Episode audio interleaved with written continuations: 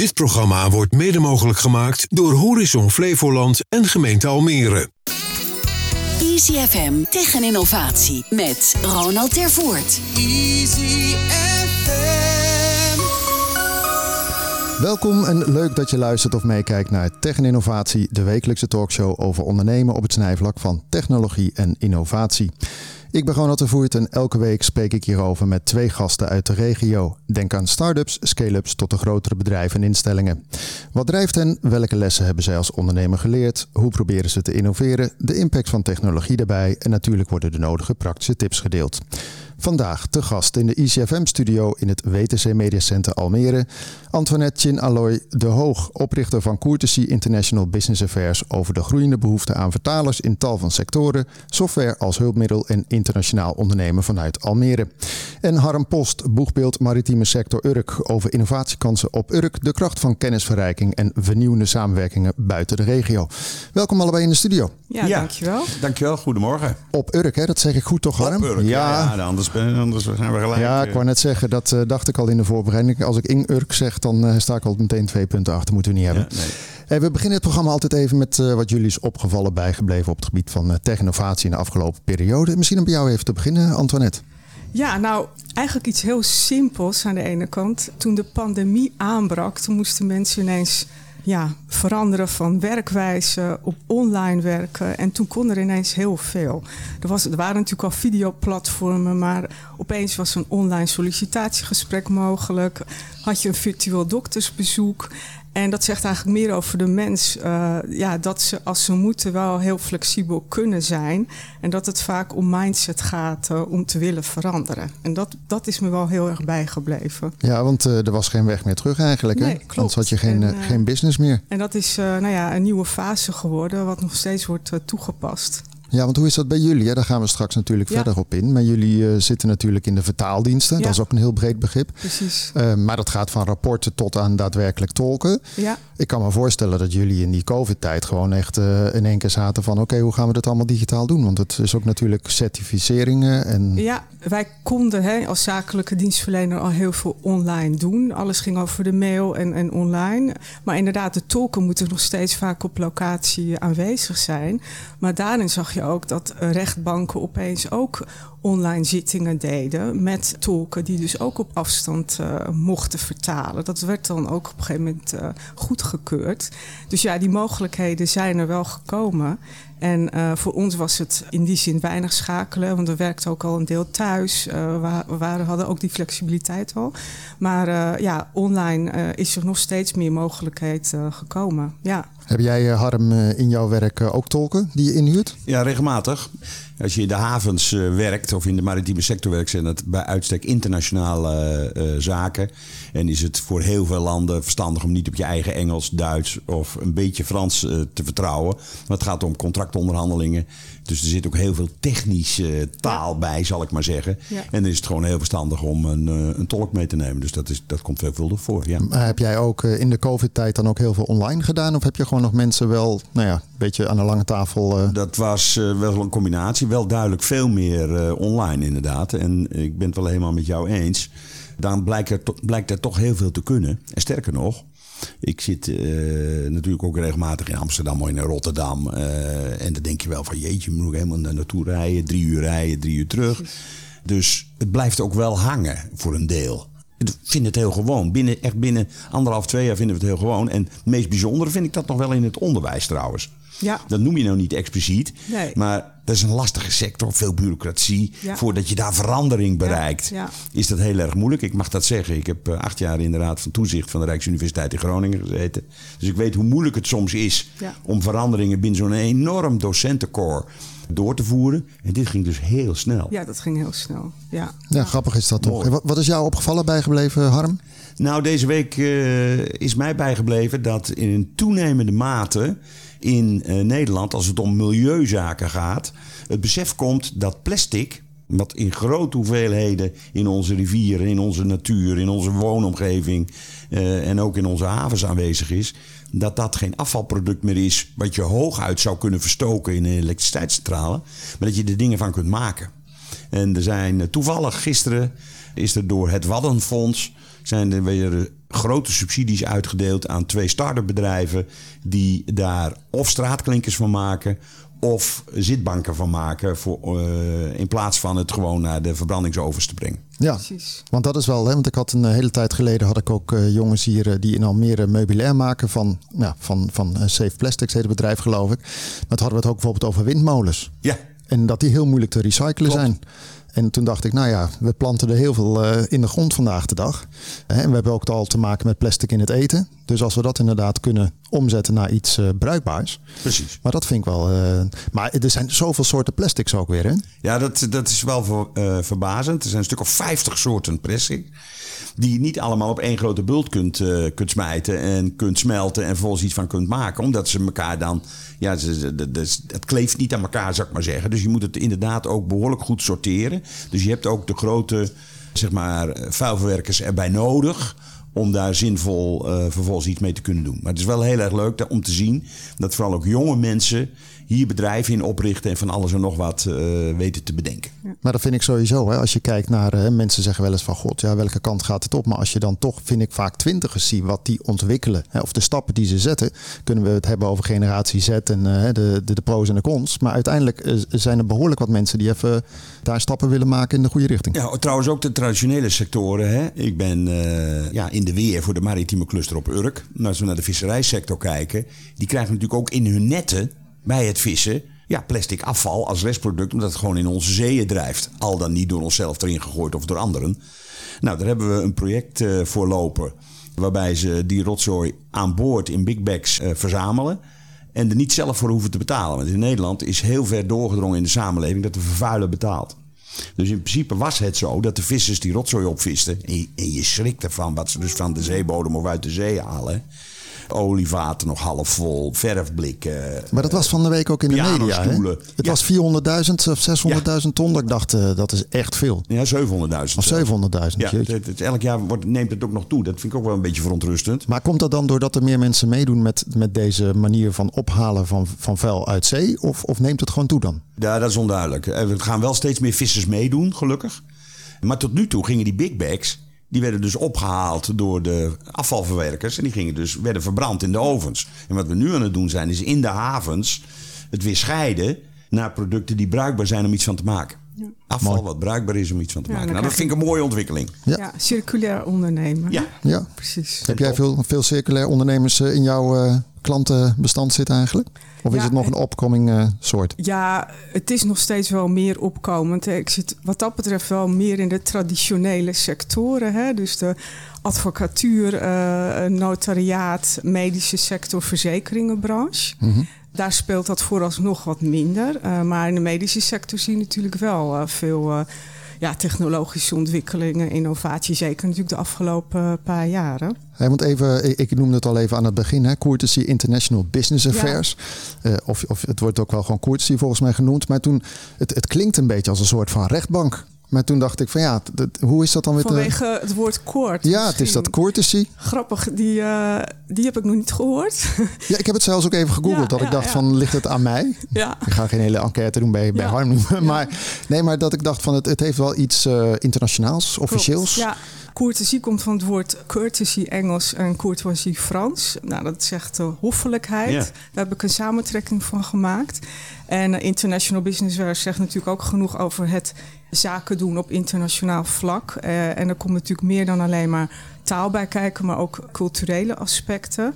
Dus dat moet zo eh, breed mogelijk worden weergegeven dan in de naam. Eh, en zodoende is dat gekomen. En ja, de, de dienstverlening, de hoffelijkheid, eh, dat is onze kern van eh, onze, waar we voor staan en, en hoe we onze klanten willen bedienen. Nou Harm, volgens mij ben je al overstag meteen, hè? Hoffelijkheid. Ja, ja, hoffelijkheid is in Nederland zwak ontwikkeld. Dus ik ben blij Ja, dat je dit zo prominent Ja, voor in de ja. naam van je bedrijf hebt gestopt. Dat, is heel erg belangrijk. Eens, want dat excellent, excellente dienstverlening vind je nog niet eh, snel terug in de Nederlandse eh, manier van doen. Nee. Zeker niet, ook zelfs niet in het topsegment. Ja, daar is het wel, maar dat is nog een niche. En ja, wij staan ervoor. Dus dat trekt een bepaald soort klanten aan. Kwaliteit is echt nummer één. En, en we zijn geen prijsvechter. Hey, want je zegt net al eventjes eh, sectoren waar jullie eh, voor werken. Ja. Dat is dan ook echt best breed. eh, advocaten, vastgoedmarketeers, medisch tot technisch. Ja, ja. Toen dacht ik, ho, en dan heb je ook nog eens een keer rapporten tot aan, uh, ik noem maar even de handleidingen voor uh, apparaten aan toe. Inderdaad. Hoe, hoe ben je er dan toe gekomen om dit te gaan doen? Nou ja, ik heb altijd bij internationale bedrijven gewerkt. Dus die internationale omgeving was altijd een rode draad. Ik ben tweetalig opgevoed. Ik heb in het buitenland gewoond en uh, gewerkt. En uh, ja, toen heb ik ook gezien dat taal echt een barrière kan zijn. Want welke twee talen ben je opgevoed? Uh, Nederlands en Pools. Okay. Ja. Nou ja, dat is een mooie hè, gaaf om dat mee te krijgen. Maar goed, uh, je ziet vaak Nederlandse bedrijven zijn nog niet echt altijd toegespitst op internationals die komen werken. Een arbeidscontract die nog steeds in Nederland staat. Communicatie maar in één taal. Dat gaat wel steeds beter. Maar het is nooit een prioriteit. Nou, en op het moment dat het echt moet volgens wet en regelgeving, ja, dan komt een vertaalbureau in beeld. En uh, ja, dan, dan willen ze het ook over het algemeen goed laten doen en dan besteden ze het uit. Uh, maar goed, daar wilde ik wat mee. En ook de manier van dienstverlenen aan klanten. Dat moet gewoon uh, een tien zijn en, en niet een, een zesje. Hey, want hoeveel ja. mensen heb je vandaag de dag die bij jou werken? Nou, ik heb een vast team van uh, bijna 15 en uh, daarnaast een flexibele uh, schil van allemaal ja, op projectbasis. Dus er werken zo 50 tot 100 mensen per maand aan onze projecten. Ja, ik kan me voorstellen dat door alle vreemde nationaliteiten, voor ons vreemde nationaliteiten die in Nederland binnenkomen, mm-hmm. dat dat ook nog wel een markt voor je is, waardoor je opeens Syrische tolken zou moeten hebben. Ja. Of je, zou, je moet opeens uh, Eritrese tolken Ja. hebben. Ja, of Oekraïens natuurlijk, hè? En Oekraïens nu. Ja. ja en nee. Ja, omdat het uh, inderdaad nodig is. Er is een, een hè, opkomende behoefte. Maar nee, het zijn ook overheidsprojecten. Het is allemaal aanbesteed. En uh, ja, die weg hebben we vooralsnog niet ingeslagen. Omdat uh, de prijzen enorm onder druk staan. En ja, wij ook staan voor het goed betalen aan onze tolken en vertalers. En wij ook uh, ja, marktconform betaald willen krijgen. Dus op dit moment staan we niet heel erg open voor overheidsaanbestedingen.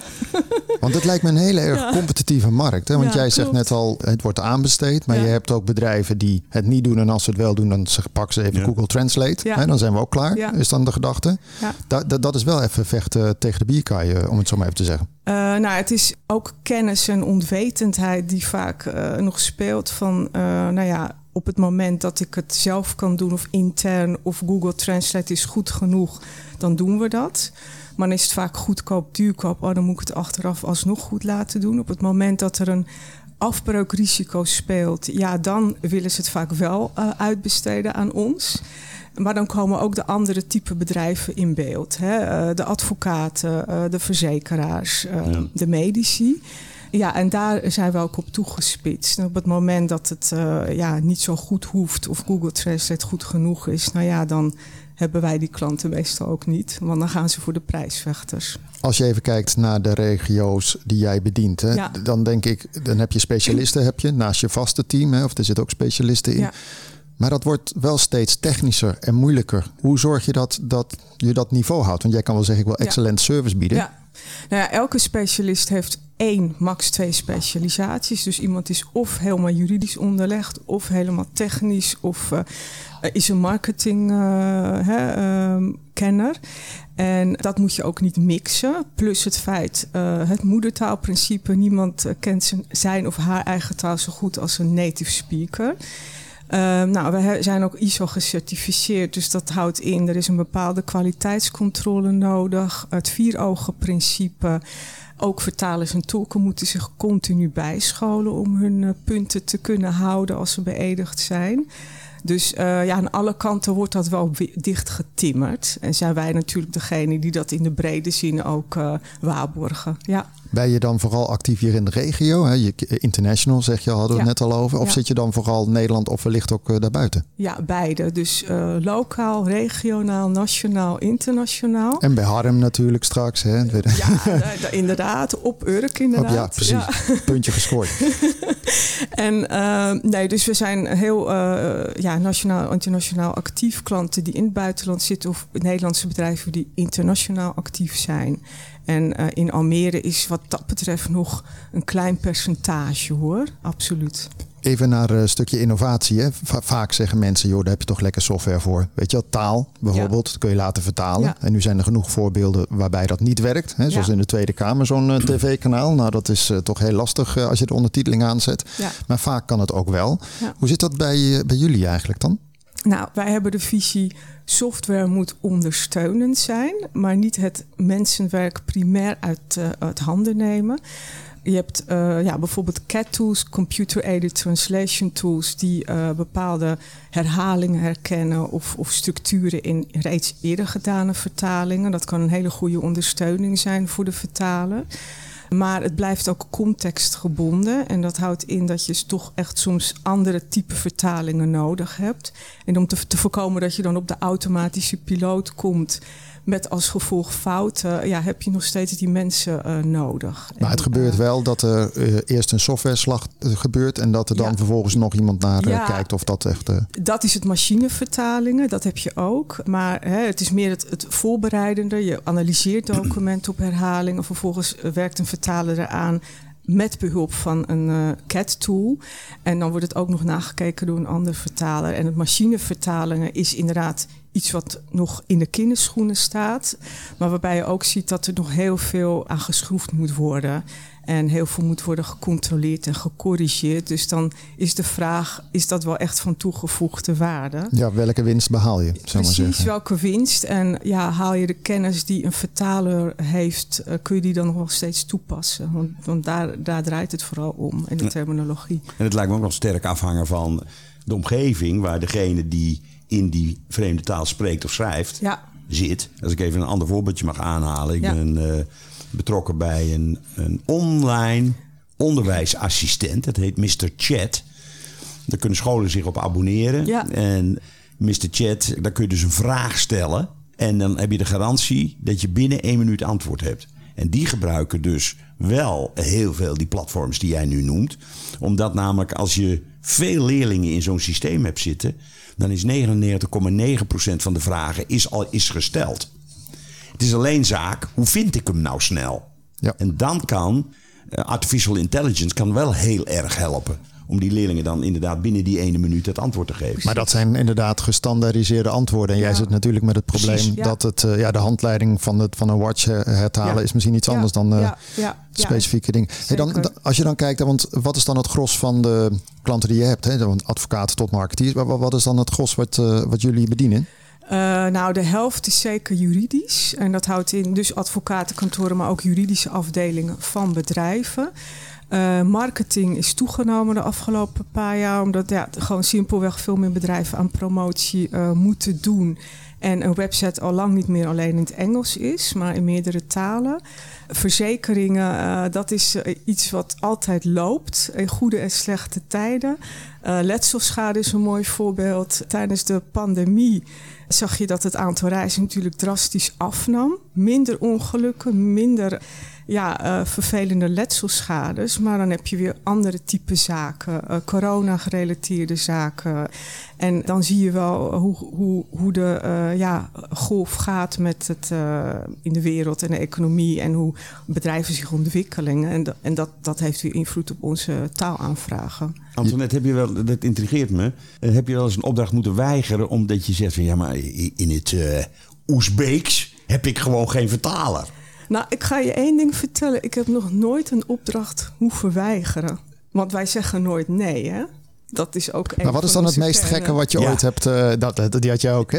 Wat is dat het meest gekke wat je ooit uh, gevraagd hebt gekregen van ja, buitenaf? Een tatoeage in het Tibetaans. ja. Een tatoeage in het Tibetaans? Ja. Oh, ja, ja, oké, die moest je vertalen. Dus die moesten we natuurlijk wel heel goed vertalen, want die tattoo is in principe voor altijd. maar uh, die aanvraag hebben we een keer gekregen, absoluut. Geweldig. Ja, ja. ja. Jullie zitten in het uh, WTC Almere, maar je zit ook op de Zuidas in Amsterdam en je zit ook in Duitsland. Ja. Toen dacht ik, ja, god, waar, waarom Duitsland? Het is natuurlijk een hele grote markt, maar je kunt ook uh, naar Zuid-Europa of naar de Nordics. Om meerdere redenen. Uh, inderdaad, een grotere afzetmarkt, goede bedrijfscultuur, zakelijke cultuur, vergelijkend met, met Nederland. Hè. Afspraak is afspraak. En ze gaan ook nog meer voor kwaliteit. En daar willen ze ook voor betalen. Gründlichkeit, hè? zo Ja, heet dat hè? Ja, kwaliteit staat op nummer één en dat past heel erg bij eh, onze visie ook. Vervolgens hebben ze ook eh, ja, behoefte aan veel meer type vertalingen. Hè? Niet Duits, maar juist ook Engels, Nederlands, andere talen. Dus Duitsland is zeker een, eh, een fijn eh, land om mee samen te werken. En het is en blijft een belangrijke handelspartner voor Nederland. Dus eh, heel stabiel. Aan, aan het begin hadden we het even over. Ja. Hè? We hadden natuurlijk, waar we dadelijk op ingaan. Hè? Maar dan heb je veel te maken met internationale bedrijven, Ja. overheden. Ik hoor jou niet over Den Haag, over Brussel. Is dat omdat jullie nou ja, veel meer in de regio's zitten, hè? de domeinen waar je nu zit, dat, dat je daarom daar niet zit? Nee, we, ja, we hebben eigenlijk vooral gekozen voor het commerciële bedrijfsleven. Eh, wat ik net eh, noemde, het aanbesteden. En eh, daar blijven we een beetje van weg. Vanwege die, die prijsdruk. Daar is men in Den Haag wel mee bezig en in Brussel. Maar dat duurt ons te lang. En eh, wat ons betreft gaan we voor eh, die bedrijven die onze taalbehoeftes eh, nodig hebben, maar ook kunnen waarderen en de waarde daarvan kunnen inschatten. En vice versa kunnen wij ook heel snel schakelen. En ja, zijn we helemaal uitgerust op een eh, 24-7 eh, eh, dienstverlening. Nou, je hebt ook groot gelijk. Hè? Ja. Klanten die eh, geen interesse hebben of het niet kunnen waarderen, die eh, moet je gewoon laten. Hey, hey, even eh, een, eh, een dingetje wat Harm ook zal interesseren. Jij bent ook nog naast dit alles bestuurslid bij de VNO-NCW Midden. Hè, Ja, dat is dan eh, inderdaad. vanuit Almere, Nou, leuk. doe je dat? Ja. Ja, inderdaad. Toen dacht ik bij mezelf, grappig dat je dat dan ook nog doet. Hè? Want dat Ja. doe je voor Almere of zit dat dan voor Flevoland? Ons bestuur is voor heel Flevoland eh, en ik ben degene vanuit Almere. En wat zijn dan de prangende zaken waar jij eh, vanuit die functie eh, mee bezig bent voor de ondernemers? Want ja, je Ja. hebt natuurlijk heel veel op je Ja. bord, kan ik me voorstellen. Maar wat zijn nou echt de hot topics? Nou ja, ik heb in mijn portefeuille internationalisering. Dus dat houdt in bedrijven die willen exporteren, eh, internationaal actief willen worden, maar ook de bedrijven die hier zich willen vestigen. Ik schrijf daar ook wat over in het artikel wat onlangs is verschenen, Lifestyle Almere. Eh, nou, daarnaast heb je natuurlijk andere zaken. Het ehm, Personeel neem ik aan. personeel krapte. en arbeid, dat is natuurlijk een belangrijk onderwerp. Want Urk valt er ook onder, onder Flevoland, ja, toch? Hè? Maar jullie hebben elkaar nog niet ontmoet, want eh, Harm was nog verbaasd dat jij eh, dit deed. Zeg maar, qua VNO-NCW. Nee, dat, nou, ik was vooral aangenaam verrast. Dat is ja, nee, maar bedoel, jullie zitten ik jullie hebben niet zelf ook acht jaar ingezeten, maar Ah. dan in Noord.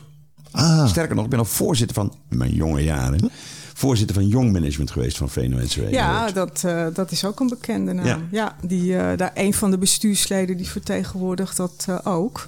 Dus ja, heel Flevoland eh, vertegenwoordigen wij. Ja. En maar dat is nogal wat, want het groeit als kool natuurlijk. Daarom, het is op, upcoming. eh, een van de meest groeiende, groot, snelst groeiende provincies natuurlijk. En eh, ja, het zijn natuurlijk eh, lokale onderwerpen die, eh, die vooral ook spelen. Hè? En vooral, ja, wat speelt er bij de ondernemers? Hoe hoe kunnen wij hun ondersteunen? We zitten daar niet voor onszelf, we zitten voor de ondernemers. We hebben gelukkig een groeiend aantal leden. Ja, want ik wou net zeggen, dat was ook een vraag van mij. Ja. Want je ziet bij heel veel nou ja, van die verenigingen, zal ik maar zeggen, zoals Ja. FNV en gaan we Ja. door, dat dat toch een beetje afkalft. Ja, En bij jullie groeit het. Nou, in Flevoland of Almere met name heb je best wat businessclubs. Met elk een, een, een, een, speci- een specifieke focus. Bij VNO-NCW is het vaak hè, de wat grotere bedrijven, maar ook door heel Flevoland. Dus het is een heel geëmaleerd gezelschap. En, eh, en daar willen we ook op, op focussen. Dus eh, ja, de grootte van de bedrijven, eh, hoe lang ben je op de markt, maar ook de diversiteit aan, aan, sectoren en, en, en regio's. Ja. Ik vond het wel grappig, want jij refereert naar een eh, artikel wat je eh, geschreven Ja. hebt over uit, eh, in Almere Ja. Zaken. Ja. Maar volgens mij las ik daar ook dat jij vond dat, of vindt dat Almere klaar is voor een universiteit, la de UvA of de VU.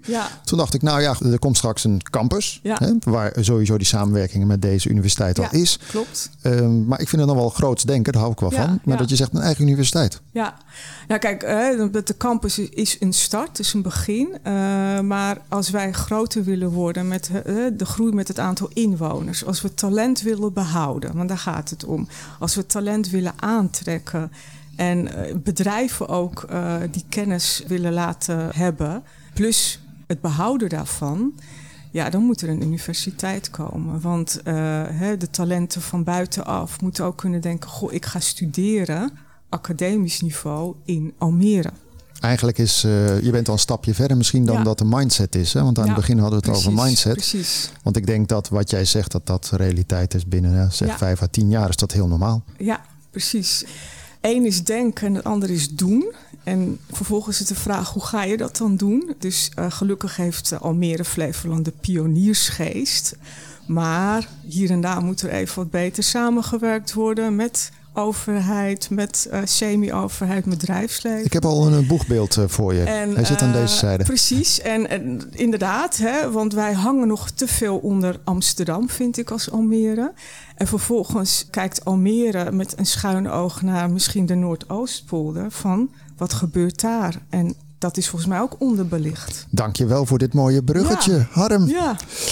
Even over uh, natuurlijk naar uh, Urk. Want jij bent boegbeeld maritieme sector Urk. Nu zal iedereen denken, ja goed, maritiem, dat snap ik. Zit visserij op Urk. Maar kan je even kort neerzetten wat jouw rol of jouw missie is? Ja, en, en wat dat is namelijk net niet. wij beschouwen de maritieme sector toch als een hele andere sector dan de visserijsector en de visserijverwerkingssector. Die natuurlijk ook groots aanwezig is op Urk. De maritieme sector zijn eigenlijk een vijftigtal bedrijven die op Urk zitten, die in de maritieme sector actief zijn. Ik noem even twee voorbeelden. We hebben er een bedrijf zitten dat heet Duck Marine, DUC Marine. En die is gespecialiseerd in het onderwater repareren van betonrot. Over een niche-markt gesproken. En die hebben dus net vorig jaar met 12 man een half jaar in Rwanda gezeten. Omdat daar betonrot was opgetreden in een damwand van een stuwmeer. Ze hebben dus duikers die voorkomen dat dat stuwmeer leeg moet gelopen moet laten worden. Mm-hmm. Om er vervolgens stijgers tegenaan te zetten en die betonrot te repareren. Die duikers die repareren onder water die betonrot. Ander voorbeeldje, ik mag zijn naam wel noemen, Pieter Pruiksma. Pieter Pruiksma heeft een uh, bedrijf op Urk gespecialiseerd in het schrijven van veiligheidshandboeken. Oh, die, die, die kent waarschijnlijk Antoinette wel weer dan, voor de voor, vertalingen. Voor, uh, ja, voor fabrieken, uh, op schepen, evenementen, et cetera komt de grote Amerikaanse Warner Bros. Film Company. Die komt voor de kust bij Urk de buitenopnames, de actieopnames doen van Dunkirk. De film Dunkirk. Ah, ja, ja. Hebben jullie ongetwijfeld nice. eens in de uitzending ja. gehad. En die zoeken iemand die voor die acties, die spectaculaire acties, een handboek kan schrijven. En dan steekt Pieter Pruiksma, 35 jaar, op Urk steekt zijn hand op en kan ik wel doen. Krijgt vervolgens die opdracht en doet dat zo goed dat hij inmiddels het contract heeft voor alle films die Warner Bros. in West-Europa draait. Wauw. En dat zit dan dat op soort, Urk? En dat zit gewoon op Urk. Geweldig. Pieter Pruiksma inmiddels 36 jaar geloof ik. Geweldig. Nou, dat soort type ondernemers, Ja. die, die passen wel heel erg bij uh, de passie die ik uh, voor de maritieme sector heb. Dus de, vandaar dat, uh, dat ik dat geworden ben. Want als je even kijkt dan, hè, want ik zeg net even van wat is je missie, hè, want uiteindelijk uh, valt er het nodige. Uh, laat ik het zo zeggen, Urk is natuurlijk bekend en nog toch even van de visserij, van de families, maar die zullen ook moeten innoveren. Hè, Ja. Of moeten ook aantrekken. Je had het net even over personeel of onderwijs. Dat valt toch ook binnen jouw domein? Ja, ja dit is eigenlijk, zijn eigenlijk drie dingen die, uh, die voor die maritieme cluster van belang zijn. Hij moet wat groter worden. Niet alle, je zit zelf, uh, Antoinette, in VNO-NCW. Nou, niet alle ondernemers op Urk realiseren zich dat je een beetje verbinden als sector. En daardoor beter kunnen profileren als sector, dat dat van belang is. Ja. Dat is één. Dus dat ze erbij trekken. Tweede is ze onderling laten samenwerken. Nou, daar komen we ongetwijfeld nog over te spreken. Dat is niet eenvoudig. is überhaupt niet eenvoudig, maar op Urk al helemaal niet. Omdat het familiebedrijven zijn of zo? Ja, nee. Samenwerking op Urk. Ze zullen me wel niet in dank afnemen dat ik dat zeg, maar het, ik zie het zo. Samenwerken op Urk loopt of langs familielijnen, of dus niet langs familielijnen, zou ik maar zeggen. Of langs de religieuze lijn. Er zijn 21 verschillende kerken op, uh, op Urk. En uh, soms kan er tussen de ene geloofsrichting en de andere geloofsrichting zo'n barrière liggen, historisch gesproken, dat het lastig is om samen te werken. Wow. De derde klus is daadwerkelijk innovatieve projecten bedenken die als het ware die samenwerking min of meer uitlokken. Ja. En als je dan kijkt, als, je dan, als we die drie eventjes afgaan, als je het dan hebt aan het begin, heb je het eigenlijk over groei, hè, meer bekendheid genereren. Hoe ga je dat dan doen? Ja, ik, eigenlijk als een soort dominee tussen aanhalingstekens. Oh, je bent een van die 21. Je ja, hebt je eigen kijk. als een soort dominee er langs gaan. En dan is het wel handig dat ik van buiten kom, tussen aanhalingstekens. Een verleden in VNO-NCW Noord heb. En dus ook kan vertellen wat die samenwerking kan brengen. Want je bent daardoor uh, niet besmet, zal ik maar zeggen. Dus dat, dat helpt heel, heel erg. En vervolgens inderdaad met ondernemers die wel willen, innovatieve projecten bedenken. Uh, daar hebben we er één van uh, nu van lopen. Die duidelijk maken, ja, als we dus niet gaan samenwerken, dan kunnen we deze opdracht niet doen. Dus eigenlijk groei is het inderdaad, de, uh, daar is innovatie in ieder geval een belangrijk onderdeel van. Ja.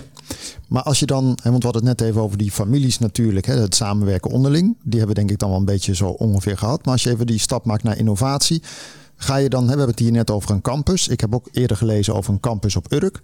Is dat dan de oplossing, zal ik maar zeggen? Een soort van, van onderwijs area? Ja, dat is, dat is heel erg belangrijk. Maar wat minstens zo belangrijk is, is dat je je realiseert dat jonge mensen makkelijker en eigenlijk als vanzelfsprekend willen innoveren. En oudere jongeren, waar ik er natuurlijk zelf één van ben, minder makkelijk. Ik geef jullie even een, uh, een voorbeeld. Wat op dit moment heel hot is, is phishing by data. Data gebruiken om vis te vangen. Ja. Hoe, hoe is het oude vissermansleven? Het oude vissermansleven is als volgt. Zondagnacht na 12 uur vertrekken we. Want we werken niet op zondag. Dus maandagmorgen heel vroeg vertrekken we. Dan gaan we twee, drie uur op, af vissen. Op vol vermogen. Op basis van de kennis en de kunde die een leven lang door de schipper is opgebouwd. In deze periode van het jaar zitten de garnalen of de platvis of zit, daar. Jonge mensen die gebruiken data om te kijken, bijvoorbeeld fish finding systems. Dus die gaan niet op basis van historische gegevens uh, ja, dat, dat denken, daar zit de natuurlijk vis wel, wel. Nee, die ze hebben gewoon fish finding systems, waardoor ze 100% zeker weten dat daar de vis zit. Ze gaan niet twee uur op, twee uur af, volle kracht. Ze gaan zeggen van oké, wat is de visprijs op dit moment? Wat is de dieselprijs op dit moment? Dus als ik nou 20, 30% brandstof kan besparen door maar op 80% van de capaciteit van mijn bootje te werken, van mijn kotter te werken, verdien ik dan onder dan de streep eigenlijk niet meer. Want die laatste slag in met die motoren, ja, dat gaat exponentieel, gaat je brandstofverbruik omhoog. Nee. Ze hebben sensoren op de netten zitten. Zodat ze niet denken na twee à drie uur haal ik op, want dat heb ik mijn hele leven zo gedaan. Want dan is het net wel ongeveer vol. Nee, ze halen pas op als het net echt vol is. Nou, dat zit allemaal in de elektronica van de moderne kotters. En wie, wie vindt eh, dat zeg maar allemaal dan? Want dat zal niet alleen uit, uit de vissen zelf komen. Daar moet je toch Nou, ook een dat fonds van inzetten? Dat komt grotendeels wel uit de vissen zelf. Gelukkig hebben we met de provincie Flevoland een provincie die dat ook nadrukkelijk wil stimuleren. Dus die heeft eh, mij ook 2,5 miljoen in totaal meegegeven om innovaties los te trekken. Maar uiteindelijk is, dat is in heel Nederland zo, met alle eh, subsidies die er zijn bedacht om innovatie te stimuleren, moet een heel groot gedeelte van het geld ook door de markt zelf, door de ondernemers zelf worden opgebracht. Dat vind ik ook goed, want je moet niet, en op Urk is dat zeg maar bovenmatig ook het gevoel, een innovatie die alleen op subsidie drijft, die willen de Urkers niet eens. Nee, maar je moet sowieso natuurlijk draagvlak eh, creëren, zeker daar. Hey, maar als je dan even een stapje terug doet, hè, want we hadden het eerder over onderwijs. Eh, Werk je dan ook samen, kan ik me voorstellen, met de Universiteit Wageningen? Ja, Hè, dat lijkt me logisch. Maar daar zijn ook subsidies voor? Ja, Eh, we werken samen met de Universiteit van Wageningen. We werken samen met de Erasmus Universiteit in Rotterdam. Er wordt samengewerkt met de Rijksuniversiteit in Groningen. Als het gaat om de hele waterstofontwikkeling bijvoorbeeld. Hè, de aandrijving van de schepen. Want dat is ook zo'n punt. Als je denkt dat je over 15 jaar nog met stookolie of dieselolie kwalmende viskotters door werelderfgoed Wadden kunt gaan varen om garnalen te vissen. Of naar de kustzone van de Noordzee kunt varen om daar eh, platvis te vangen. Ja, dan moet ik je echt uit de droom helpen. Dat accepteert de samenleving niet meer. Dus je zult als sector daar ook op moeten anticiperen. En als overheid moet je zien dat je met je subsidieregelingen, als het ware de aanloopkosten die je altijd hebt als je early adapter van zo'n systeem bent, van zo'n andere manier van voortbewegen van die kotters hebt, of van de binnenvaartvloot of van andere eh, schepen, ja, dan kan je dat dus niet opbrengen. Wordt eh, die innovatiepot eh, goed gebruikt, eh, Harm? Te weinig. En waar ligt dat dan aan? Het, het hele bijzondere is, er was een, die, die pot is opgedeeld in onderwijsfoutjes. Die was binnen de kortste keer uitverkocht. En er was, de andere helft was innovatiefoutjes. En daar zijn er maar een paar van benut. Dus we zijn nu met een extra slag bezig. De komende twee, drie maanden gaan we weer bij de ondernemers langs. Want ik weet gewoon dat ze die projecten wel hebben. Maar waar ondernemers, en je- Antoinette zal dat herkennen, ook vaak tegen opzien, is de, de, de administratieve rompslomp die er komt kijken als je subsidies aanvraagt en vervolgens ook moet verantwoorden. Ja. En daar hebben ze dus een hekel aan. Hè. Dat is die beroemde administratieve lastendruk. Waar de ondernemersverenigingen in Nederland zich al, al jaren druk over maken. Die naar beneden moet. Dus wij hebben nu gezegd, we gaan eh, hulp bieden bij het goed formuleren van je innovatievoorstel. Zodat het ook past binnen de voorwaarden die in dit geval de provincie Flevoland daarvoor heeft. Als je even kijkt, want jij noemde net even al die sensoren op de schepen. Hè, dan kijk ik eventjes eh, naar hoe we dat nu met mobility doen. Hè. Zelfrijdende auto's. Hebben we ook al zelfvarende kotters? Nou, grotendeels varen die eh, inderdaad eh, zelf. Nou, echt in dat die je zin- gewoon iemand die kan er gewoon nog even zijn voor de calamiteit. Maar de rest wordt Ja, allemaal er is gedaan. altijd één wachtsman aan boord. Hè? Er is altijd één wachtsman aan boord die voor onverwachte dingen actie kan ondernemen. En voor de rest eh, hebben ze allerlei systemen waarbij er een, eh, zeg maar een automatische piloot is die het schip keurig op koers houdt. Ja, Maar zoals bijvoorbeeld het binnenhalen van eh, de vangst, dat moet nog steeds met mensenhanden Ja. gedaan worden. klopt. Dat kun je niet uitbesteden. Nee.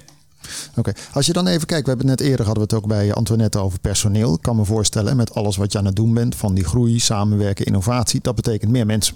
Ja. Nu hebben we natuurlijk steeds meer vanuit de overheden dat er mensen worden binnengehaald. Hè, of het wordt makkelijker gemaakt. Nu ook met de Oekraïners natuurlijk, dat is helemaal top. Maar Urk, ik, ik weet niet hoeveel mensen wonen op Urk eigenlijk. Er wonen een stuk of 20, 25.000 mensen op Urk. Maar als ik jou zo beluister, kan het best zijn dat er over vijf à tien jaar eh, dubbel is. Nou, er zijn nu al ongeveer 1500 eh, medewerkers van de bedrijven op Urk die eh, andere nationaliteit hebben. Dus die, die al van buiten komen. En het is ook de stellige overtuiging van de ondernemers op Urk dat we het eh, zonder arbeidsimmigratie, om het dan zomaar even uit te drukken, redden we het gewoon niet. Maar, maar je moet ze ook huisvesten, bedoel ik. Je, Je moet ze huisvesten, maar je moet ze dus ook verder nog weer opleiden. En in dit geval zijn het dan over het algemeen MBO of HBO-opleidingen. Dus er wordt in dat kader heel nauw samengewerkt, ook met NHL Stenden en met Freesport, eh Beregia en dat soort eh, al bestaande opleidingen. Maar die moeten dus ook, dat probeer ik met mijn eerder verhaal over die, dat phishing by data aan te geven. Ze moeten zich ook realiseren dat ze ook andere type mensen moeten opleiden. Hè? Dus niet de, de, de traditionele visserman. Dat wordt ook een soort data, halve data-analyst. Ja. Dus het wordt net zoals bij in, in, in het leger, hè, dat ze op afstand gewoon in een container zitten en dat ze dan eh, met een soort van drone stick eh, bepaalde Ja. dingen kunnen gaan doen. Gewoon een ander voorbeeldje. Een scheepsontwerp bijvoorbeeld. Je hebt een aantal zogenaamde naval architects. Die, die, die ontwerpen viskotters. Die zitten daar dus, ja, prachtig om te zien. Er zitten jonge mensen. Die ontwerpen dan een kotter.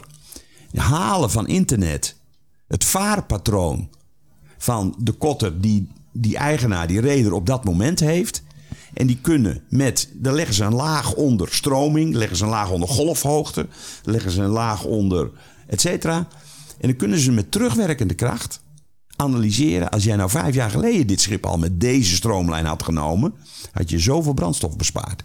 Is één druk op de knop en het systeem rekent dat uit.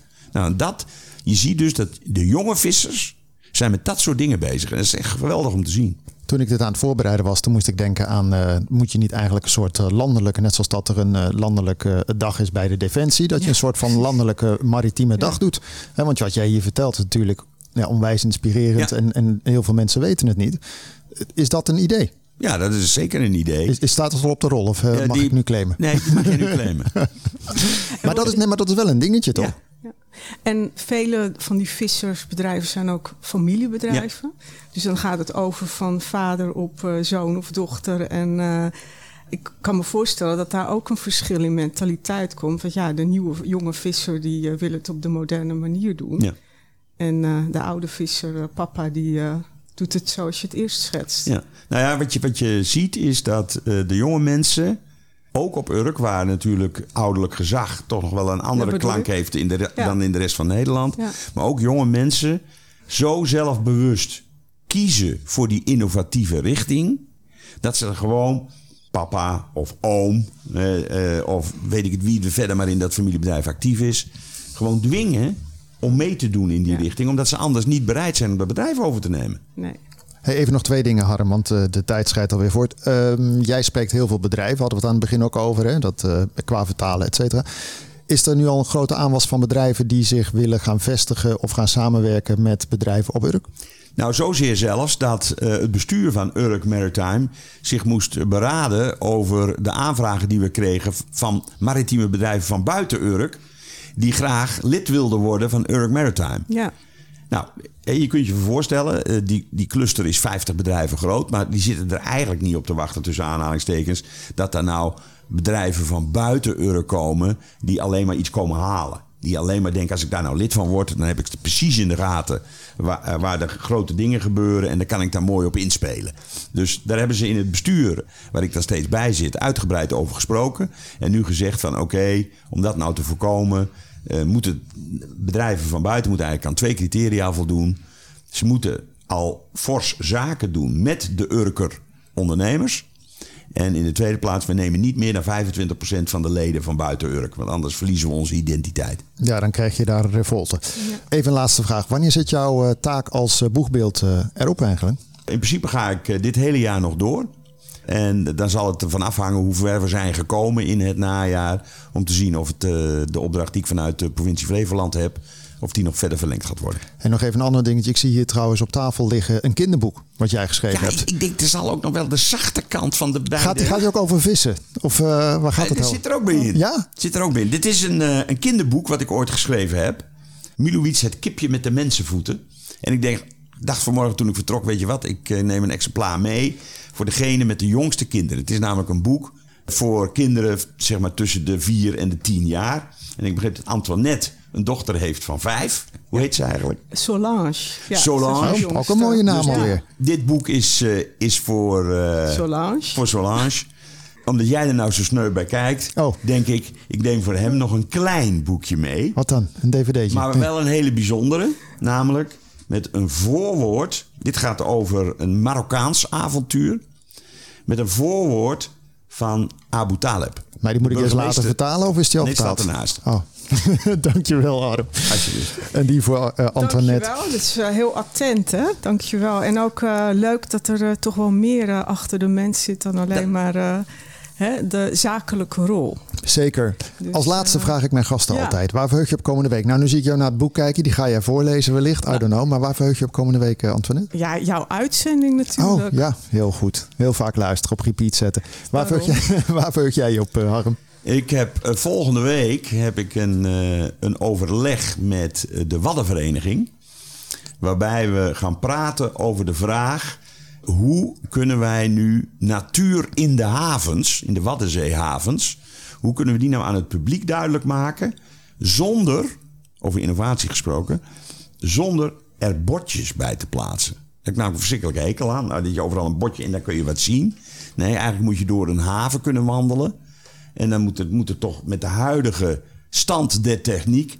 moet er toch een methode uh, te bedenken zijn... dat je als het ware op je handy geattendeerd wordt... van hier vliegt de oeverzwaluw of hier broedt de blauwe geelgors... of hier ik zou zeggen Land gewoon... de Noordse sterren. Ja, maar met uh, augmented reality uh, kan je natuurlijk heel mooie dingen zichtbaar maken. Precies. Maar goed, dat is weer uh, een stapje verder. Misschien heb je daar nog geld voor om dat ook op die manier... dat is wel gaaf. ja. Is weer wat anders dan een kinderboek, wat ja, trouwens natuurlijk lekker vast te houden is. Ja.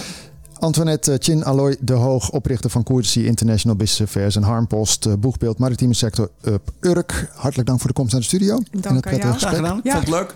Hartelijk dank ook voor het kijken en wel meeluisteren via EasyFM of je favoriete videoplatform, onder andere het kan in Almere. Ik zou zeggen een hele fijne week en graag tot de volgende keer. Dit programma werd mede mogelijk gemaakt door Horizon Flevoland en gemeente Almere.